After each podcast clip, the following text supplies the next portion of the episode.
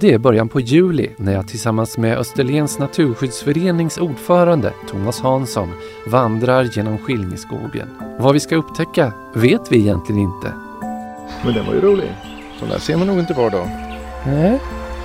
Jag har inte sett den på 60 år i alla fall. nu hör vi en nötvecka i bakgrunden till exempel. Den äter ju insekter och eh, finns i sådana här skogar. Och finns det inte sån här skog så finns det ingen nötvecka. Här, här är naturen vid Skillinge och den har goda förutsättningar att, bli, att fortsätta vara varierad och innehålla många olika arter. Om den tillåts att utvecklas på egen hand? Alltså. Ja. Det är en sån där mellandag på sommaren där det varken regnar eller är stekande varmt. Om man jämför här med, med andra liknande skogar här i, Simrishamnstrakten eller östra, östra Skåne. Hur, hur skulle du jämföra den? Jo, men jag skulle nog säga att den här biten vi är i nu den är väldigt rik på så att säga, lövträd som inblandning bland tallarna. Här växer det benved. Här är väldigt, det är väldigt det är roligt, det är väldigt varierat. Ja, vi, vi går vidare här in då, får vi se.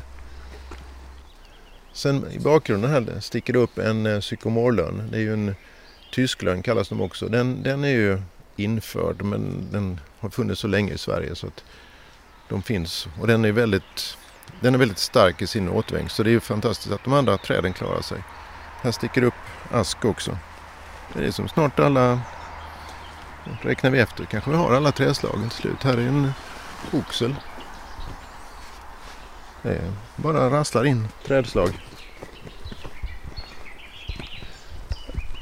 Men det, det, kan man väl säga nu när vi går här att det är väldigt fascinerande hur varierat det är med träd, träd olika. Det här är en grupp med ekar och sen en lite yngre tall och sen fortsätter vi fram så har vi en äldre tall där som är lite flergrenig uppåt som har stått här lite längre. Och en äldre bok också. Ja, men det, är, det ger en väldigt fint varierat ljus nere i skogen så här på sommaren. För, för här då, eh, nu börjar det bli lite annan, vad ska man säga, marktäckning här vid lite parti mm. med... Lite typiskt för när vi har som här en uppvuxen bok. Den släpper ju inte igenom någonting av solljus egentligen och därför blir det en vårblomning under den. Alltså vitsippor och sånt kan jag tänka mig har varit här. Kanske någon annan vit blomma. Men sen när sommaren kommer och det sluter sig lövtäcket så kommer det inte ner något solljus till marken. Här där vi har yngre träd och tallar så släpper det igenom och där finns det mycket kaprifol. Och, och gräs och liksom lite större mossor. Men under boken är det ju alldeles, det är löven som bryts ner av alla sina nedbrytare. Det är nog en hel grupp med björk, eller bok som blockerar. Mm. Och de måste ha tagit sig in här i kamp med tallarna då? Eller ja. kan de ha varit här och blivit lämnade? De, eh, den här, här är en som är lika gammal som eh, tallarna skulle jag tro. Samma storlek ungefär. Men här är en grupp som är lite äldre och de står liksom lite på en kulle som kanske har blivit lämnade eller man har bara, bara låtit plantorna vara. Och här är en fantastisk. Den eh, är grön upp till men har ju rejäla barkskador här. Det är ju väldigt bra för insektslivet det här. Och det är ju det att vi vet inte så mycket om insektslivet i den här skogen för att det är egentligen ingen som har kollat upp det. Men tittar man längs sydkusten så finns det några punkter med väldigt mycket rapporter av insekter. Och det beror ju på att det finns någon insektsintresserad som kommer dit och som då noterar och rapporterar till Artportalen. Och det är ju det kan man säga som skulle behövas nu i Skillingeskogen. Det är att alla som är här hjälps åt med att rapportera vad de ser. För då får man reda på vad det finns och när det finns och kanske lite om hur mycket det finns också. Men för just de här insekterna som kanske då äter under barken på bokar så får man vara lite specialist. Mm. Men alla kan ju rapportera sina bofinkar och talgoxar så får man in en basmaterial. Så kan man se om de varierar mellan åren och sånt. Det tror jag är en viktig, ett viktigt säga, budskap till besökarna i Skillingeskogen. Det är att skriv ner det på något vis lämna in en rapport till Artportalen så kan man sedan följa hur den utvecklas. Ja, nu är det fantastiskt att se ut, ut mot eh, de lite ljusare partierna här tycker jag man ser eh, ganska fina det är väl döda, döda grenar på tallar som formar sig till liksom, någon slags mm. knotor. Jo men det blir det efterhand som skogen växer uppåt. Så de grenarna som är underst de får inte något solljus och då dör de av efter, successivt. Och det är den, den, i den döende veden som mycket av insekterna har sitt så att säga, tillhåll och liv. Så jag skulle tro att det här är en ganska intressant insektsfauna. Om man gör lite djupare undersökningar på det. För det finns ju neråt Sandhammaren finns det väldigt mycket insekter som är rapporterade och som inte är så vanliga i Sverige. Men som då beror på att någon som kan dem har tittat efter. Mm. Nu har vi någon sjunga. Ja, det är, det är lite den här lövskogens fåglar, eller skogens fåglar. Det är en eh, rödhake och sen så pratar en lite mer pladdrande läte som jag skulle tro är en trädgårdssångare.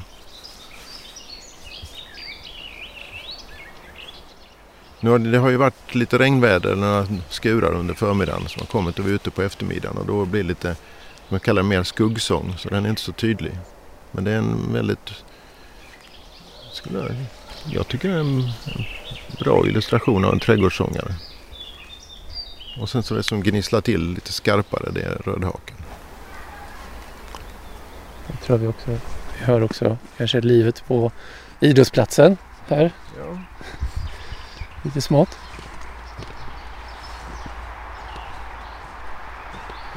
Du ser här lite hur, hur växterna kämpar för att komma upp i solljuset. Det här är ju kaprifol som klättrar upp i trädplantorna. Där är den sykomorlönnen och här är någon annan växt och där är de uppe i en hassel.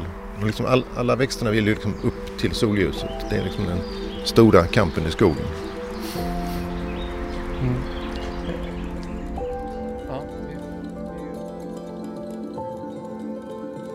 Med mig finns också Tom, sju år. Vad såg du här Tom? Gråsuggor. De var under det där äh, trädet. Och sen var det några här. Där inne. Ja, de gråsuggorna är ju liksom så att man lyfter man på en gren eller en sten så ligger de där. Men sen gillar de inte solljuset så då sticker de genast iväg åt sidorna. Man får liksom lyfta försiktigt och så tittar man. Ja, där är lite sånt under och sen får man sakta släppa tillbaka den på samma ställe. Så har de kvar sin plats. Lilla gömställe.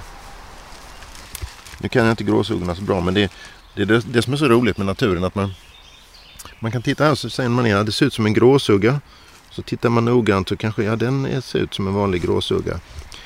Men inne i de här bokskog så kan det dyka upp en som heter klotgråsugga och sen, som rullar ihop sig när den blir skrämd. Ungefär som en igelkott också kan rulla ihop sig. Den brukar kunna finnas någonstans. Men det är det att man, hit, man känner igen något och sen så tittar man vidare och så finns det fler arter att upptäcka. Man kan liksom upptäcka nya saker hela tiden. Och det visar sig att när Tom sticker ner handen och lyfter på en sten så hittar man inte bara det vanliga som man kan förvänta sig utan kanske någonting som ändå är lite speciellt. Och sen är det vid den här stubben längst ner så är det också en liten knuta i roten och det blir en liten vattenpöl där. Den är ju väldigt bra. Spara vatten till. Var det en spindel? Vad är det där för något? Ja, den Det är nog en liten gråsugga. Det kanske var en, en annan, en annan sort. Ja. Men det, det, här med mobiltelefon är ju kul nu för tiden. Då kan man göra så att man... Eh, jag brukar använda något som heter Artsoraklet. Det är en norsk hemsida. Som man kan fotografera vad man ser och sen så kan man jämföra bilden. Ah. Det är en, en stor gråsugga som är silvrig mm. på ryggen. Ja, det var verkligen silverglänsande. Där. Ja, vi ser om vi tar en, ett foto på den ska vi se om det här artsoraklet säger. Det är den. Mm, där är den. Ja men titta här. Armadillium pictum. Det ser ut att vara lite lik. Fast det... Ja. Eller pappa, jag hittade något till. Jaha. En liten insekt som... Så Den tillhör klotgråsuggefamiljen och den är en kräftdjursart. Men den verkar inte i det här sammanhanget ha någon direkt svenskt namn. Vi ska se. Utan det är en sorts klotgråsugga. Ja, för den är mycket Ja, men större. den var ju väldigt speciell i färg med, med väldigt fina gröna prickar. Och den är Nu mycket, ska vi se om, om man... Nu ska vi vara lite modiga och peta på den. Ska vi se om den... den är mycket större än alla andra. Ja. Vi se om den... Ja, den springer och gömmer sig. Men du ser den rullar ihop sig. Kolla. Nu har den rullat ihop sig. Och nu kommer Nu fäller den ut. Det är ju skitfräck Så springer den. Men eh, det kan ju vara att de heter armadillum och så har den prickar så heter den pictum säkert. Det är någon som har målat snygga. Pissmyror såg jag Kan vi se. Jag har tagit en liten bild på den så se om, Ja. om den håller hem så kan jag se om jag kan fylla i den i artportalen. här. Kan Ja. vara en pissmyra. Men den var ju rolig. Sån där ser man nog inte var dag. Nej. Jag har inte sett den på 60 år i alla fall. Klotgråsuggar har jag sett men inte den stora verkar.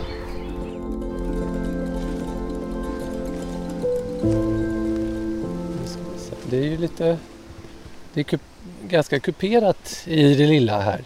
Ja, nej, men tittar man runt där vi står nu så skulle jag uppleva lite som att det är någon sorts sanddyneslandskap i under skogen. Så att säga. Det är småkuperat. Alltså, man, när man går på stigarna så är det upp och ner hela tiden. Så att säga. Och det är mjukt avrundat som om den är liksom har varit utsatt för antingen folk har varit runt och grävt i den eller så har liksom vinden har flyttat den. Och det, det är ju ofta så längs våra östskånska kuster att det har varit sandflykt och då har man planterat tall, tallträden. Så det, är liksom, det hänger ihop, de Mm. bitarna. Och den ursprungliga vegetationen kan man säga i den här eh, sanddynlandskapet. Det är ju i sänkorna kan det vara alar och sen eh, det som håller uppe kan vara krattvuxen ek.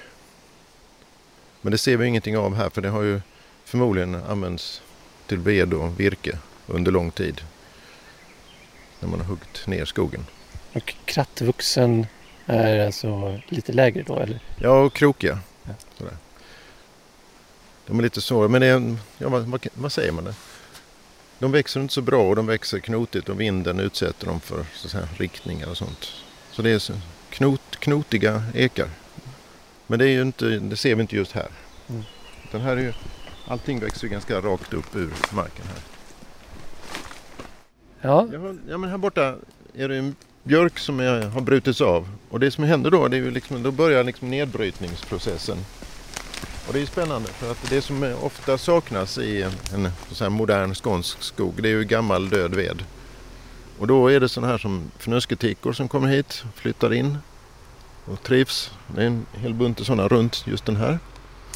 Ehm, ser inte så mycket annat men den är ju relativt nybruten. Man ser fortfarande vedartade saker i toppen på den. Och sen borde det ligga en stam någonstans här. De ligger ju nära marken så de blir blötare och då bryts de ner fortare. Inte var den är riktigt. Alltså det här tickorna, de vedlevande svamparna har inte så goda förutsättningar att hitta någon växtplats i sådana här unga och vitala skogar och därför är ju en sån här avbruten högstubbe är väldigt viktig att spara men den här arten som, som sådan är inte särskilt unik. Björken och tickan är inte unik utan de är ju mer att de inte är så vanliga i den här typen av skog. Pappa, varför ska du ha hörlurarna?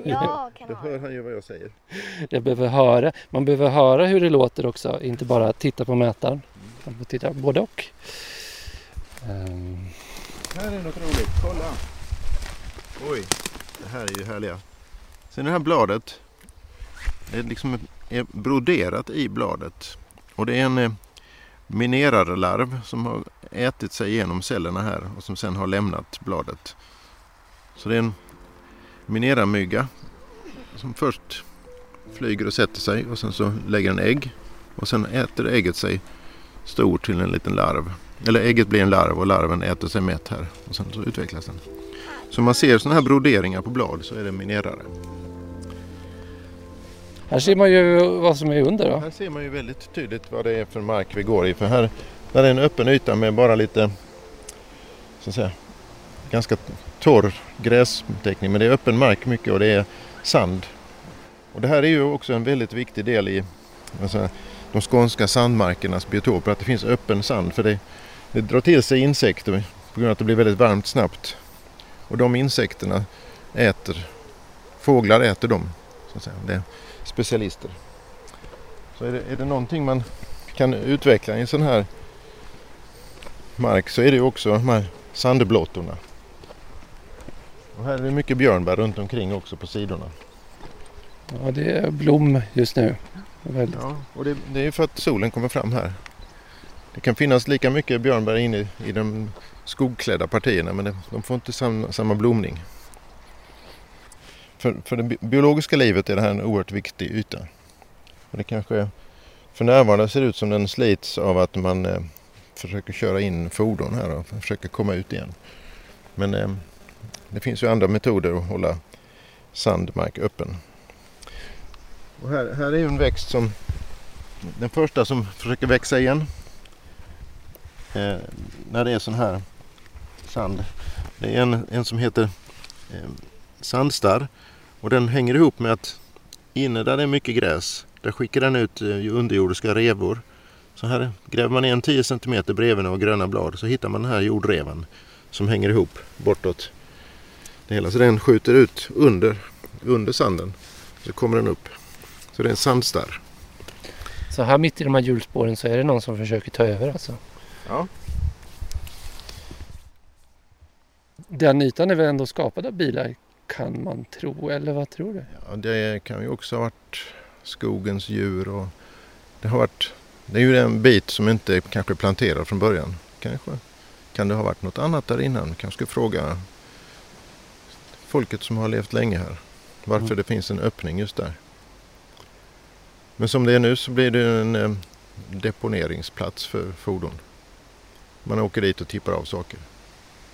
Det vill vi ju inte ha i Skillingeskogen. Mm. Om, eh, så, men den kanske skulle vara kvar där som en öppen yta även om, man inte, även om ingen körde där? Ja, det tror jag. Och är man, alltså det, sakta växer det ju igen i skogen, det gör det. Men den, som den ser ut nu så kommer det inte växa några träd på länge där. Mm. Eh, vi ska se, vi går... Här blir det är lite fuktigare här kanske. Ja. På den här. Eh, det är södra sidan om, om Hävdavägen som delar på skogen. Mm. Den... Jo men det här kommer in och det, är, det, det, ser man ju också på vegetationen att det är väldigt fuktigt. Dels så kommer det mycket grön eh, markvegetation och sen är det mycket mer björk här än det har varit där vi gick innan. Här är björk hela vägen bortåt. Och sen på höjden där tror jag det står lite mer tall. Jag ser enstaka tallar ute i björkpartiet här. Så det här är ju helt klart en fuktigare del. Har man försökt plantera tall här men inte lyckats då kanske? Ja, eller så har man förstått att man inte skulle försöka ens. Man kan ju också plantera björk. Men den kommer ju av sig själv. Så det, nej men, eh, där står en del. Jag tror nog att man har nog stoppat ner tallplantor här också. Men en del, de har inte gått så bra. De gillar inte att stå i fuktiga miljöer. Nej. Eh, och om man tittar upp. Är det, vi har några björkar som ser ganska åtgångna ut och någon högstubbe här också. Ja, det gillar ju den biologiska mångfalden gillar ju sånt. Och det kanske inte är någon perfekt björkmiljö heller men de, nej, men de, de, det är ju så, de, de står ju tätt och då blir det ju att enstaka individer blir undertryckta och sen får de lite sämre motståndskraft och sen kanske de bryts av vinden eller att de har fått in någon svamp som äter cellerna på dem. Och hur, hur skulle du säga, hur pass naturligt skapad är den här miljön då? Den här ser ut som en eh, naturligt igenvuxen betesmark med eh, björkuppslag. Och hur bra är det? Eh, ur ett, man ska bedöma naturvärden? Alltså naturvärden, om det är för biologiska livet, för naturens egna värden så är det väldigt bra. Men för en en markägare som vill leverera mycket virke till massaindustrin så är det inte så bra. Nej, här går det ganska långsamt. Jo, nej, det här är perfekt för naturen. Det skulle jag nog säga. Och vad kommer hända om man låter det här stå som det är nu? Ja, björkskogen kommer att dominera kanske 50 år till. Men här är ju sen både bokplantor och ekplantor som är på väg upp. Och här är nog en... Eh, vad är det för något? Det ser ut som var en, ett, en hägg eller något liknande. Så här finns lite blandad så småträd kan vi kalla dem. Men på sikt tror jag nog att det är, om man säger 50 till 100 år så skulle vi nog kunna ha en väldigt fin ek och bokbacke här med kaprifolväxt på marken. Och lite björkstubbar. Skulle det vara idé att göra någonting för att skynda på den här processen? Jag skulle nog säga att det är för sent att göra något i den här skogen. Den har fått växa igen rätt så länge själv och då tycker jag nog att man ska passa på att utnyttja den eh, ska säga, vildhetsaspekten och att inte göra någonting i den utan man kan ju bibehålla det. Finns. Där vi gick förut var det ju ett antal stigar och sånt. Då är det ofta så att då ska man hålla dem lite säkra. Man kan kolla lite så det inte ramlar något gren i huvudet på folk. Men i det här partiet där vi är nu, där finns det liksom ingen stig eller någonting. Och det här skulle man absolut låta vara i fred. Ja, för om vi kommer in på det. Vad skulle hända om man skulle dra en stig här? Eh, ja, det skulle bli... Marken skulle bli sliten och man skulle bli blöt om fötterna. Det är ingen bra stigplats. Man ska välja liksom de naturligt torra delarna i skogen när man drar fram en stig. Annars får man mycket underhållsarbete. Ja, men då var vi framme vid vägen igen. Och den är, den är en liten vattendelare eh, mellan två typer, eller? Det kan ju vara så att man har valt att lägga den just för att det är lite skillnad i beskaffenheten på skogarna. Men här på den sidan vi står nu som är söderut så står det ju väldigt spännande eh, bokträd. Ett, en som är väldigt krokig och krum och låg vuxen och en som är väldigt hög och bredstammig. Så det är liksom, här är väldigt mycket man vill gå in på trädindividnivå och hitta spännande träd. Men sen tittar vi då över vägen på andra sidan så är det då ja, snabbt tittat så, så verkar det vara mer ett eh, sånt björkparti med enstaka tallar. Ja precis, det är också lite mer undervegetation. Ja.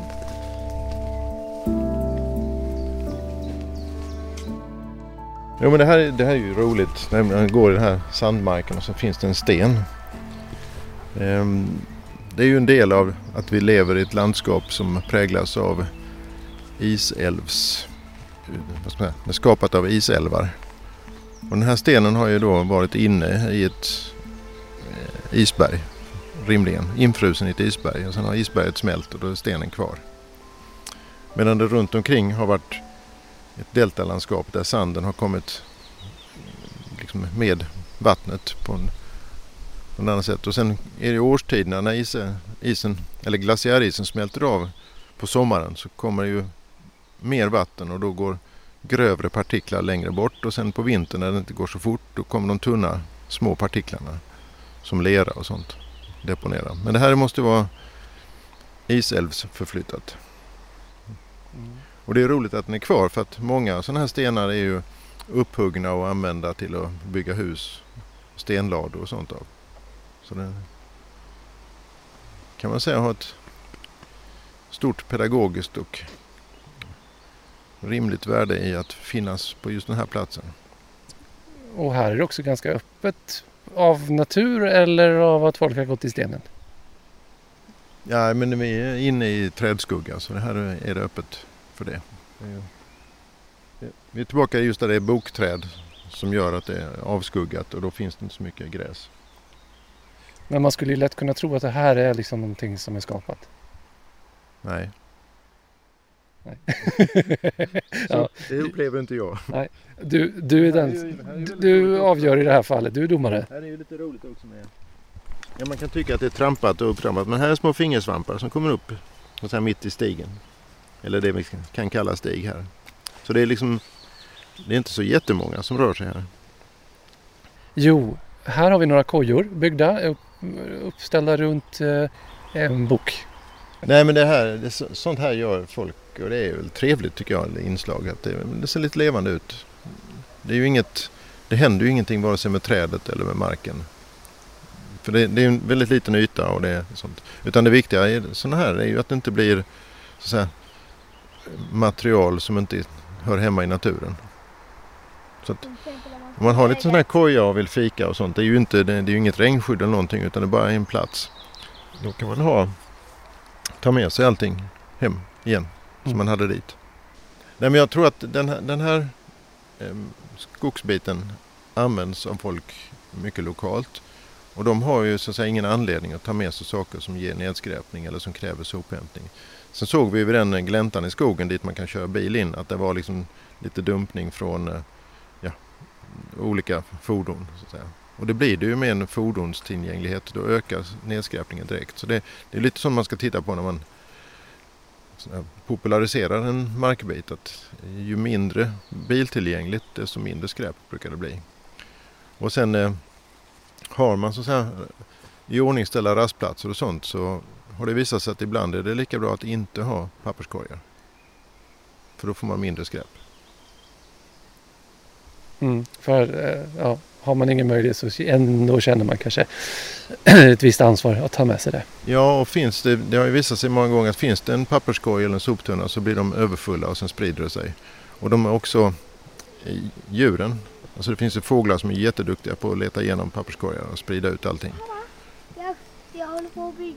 Så därför är det det bästa man kan göra.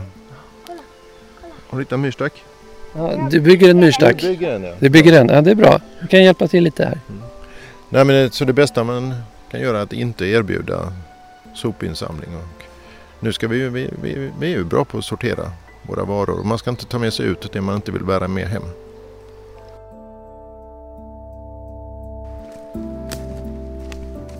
Då ska vi se. Ja, innan vi kommer, kommer fram till vägen så är det väl bara... Man har ju pratat om att göra det här till naturreservat i någon form. Vad skulle du säga om värdet av att göra, skapa reservat av det här? Jo, men vi, från Naturskyddsföreningens sida som har pratat om det här så tycker vi att det vore bra som ett så att säga, tätortsnära rekreationsreservat. Och där man bibehåller så att säga, de biologiska värdena. Och också gynnar biologisk mångfald. Ja, för, för det behöver alltså inte... Det ena behöver inte utesluta det andra. Nej, man kan säga att kommunen har ju redan ett par stycken naturreservat och de kan man göra på liksom kommunala villkor. När, när man går in och många naturreservat är ju på statlig mark eller som styrs upp av staten och då, då är det höga och särskilda biologiska värden. Men det här kan ju ha sociala värden plus biologiska värden som är gynnsamma. Men eh, vissa hävdar ju att om man ska göra ett reservat av det här så krävs det mycket infrastruktur runt. Man behöver skapa parkeringsplatser och tillgängliggöra med stigar och så. Jag tycker nog att eh, de stigar som är runt omkring här, det är både på sjösidan och på så att säga, västsidan, kan ju fylla upp den behovet och det finns också den markvägen genom skogen. Och sen parkeringsplatser, alltså det, är ju, det behöver inte skapas några nya. Det finns ju redan ett antal runt omkring. Och eh, det kanske är gynnsamt att inte ha så jättemånga parkeringsplatser. Man kan ju cykla hit och man kan gå hit. Om man då riktar sig främst till så säga, besökare från Skillingområdet.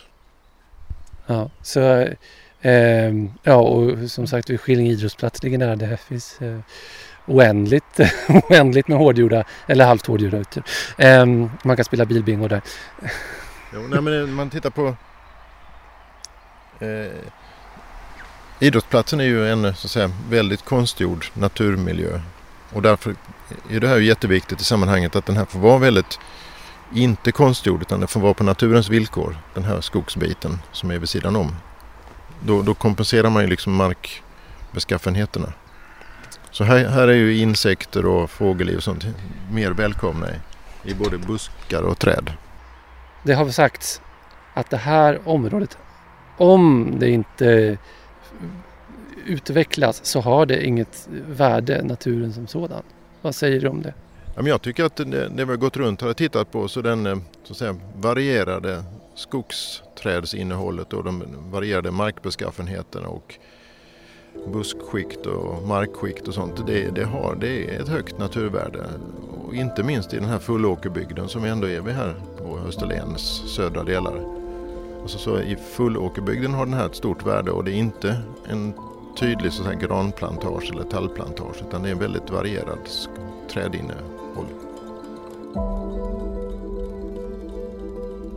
Jag tycker också man kan se det här som en väldigt viktig del i Österlens natur utifrån de förutsättningar som finns runt Skillinge i övrigt. Att här, här är naturen vid Skillinge och den har goda förutsättningar att, bli, att fortsätta vara varierad och innehålla många olika arter. Om den tillåts att utvecklas på egen hand? Alltså. Ja. Och det, det finns ju olika detaljnivåer men man ska framförallt beakta den som den är och ta reda på lite mer om vad som finns här innan man gör några insatser eller åtgärder. Mm. För som sagt var, den är väldigt, den är, den är dåligt undersökt. Ja, det tyder ju på det när man tittar efter vad som är rapporterat i Artportalen. Att här, här är väldigt få som kollar upp vad som finns. Men jag, jag skulle väl säga att jag uppmanar alla som är här att rapportera de observationer man gör. Nu hör vi en nötvecka i bakgrunden till exempel. Den äter ju insekter och eh, finns i sådana här skogar. Och finns det inte sådana här skog så finns det ingen nötvecka.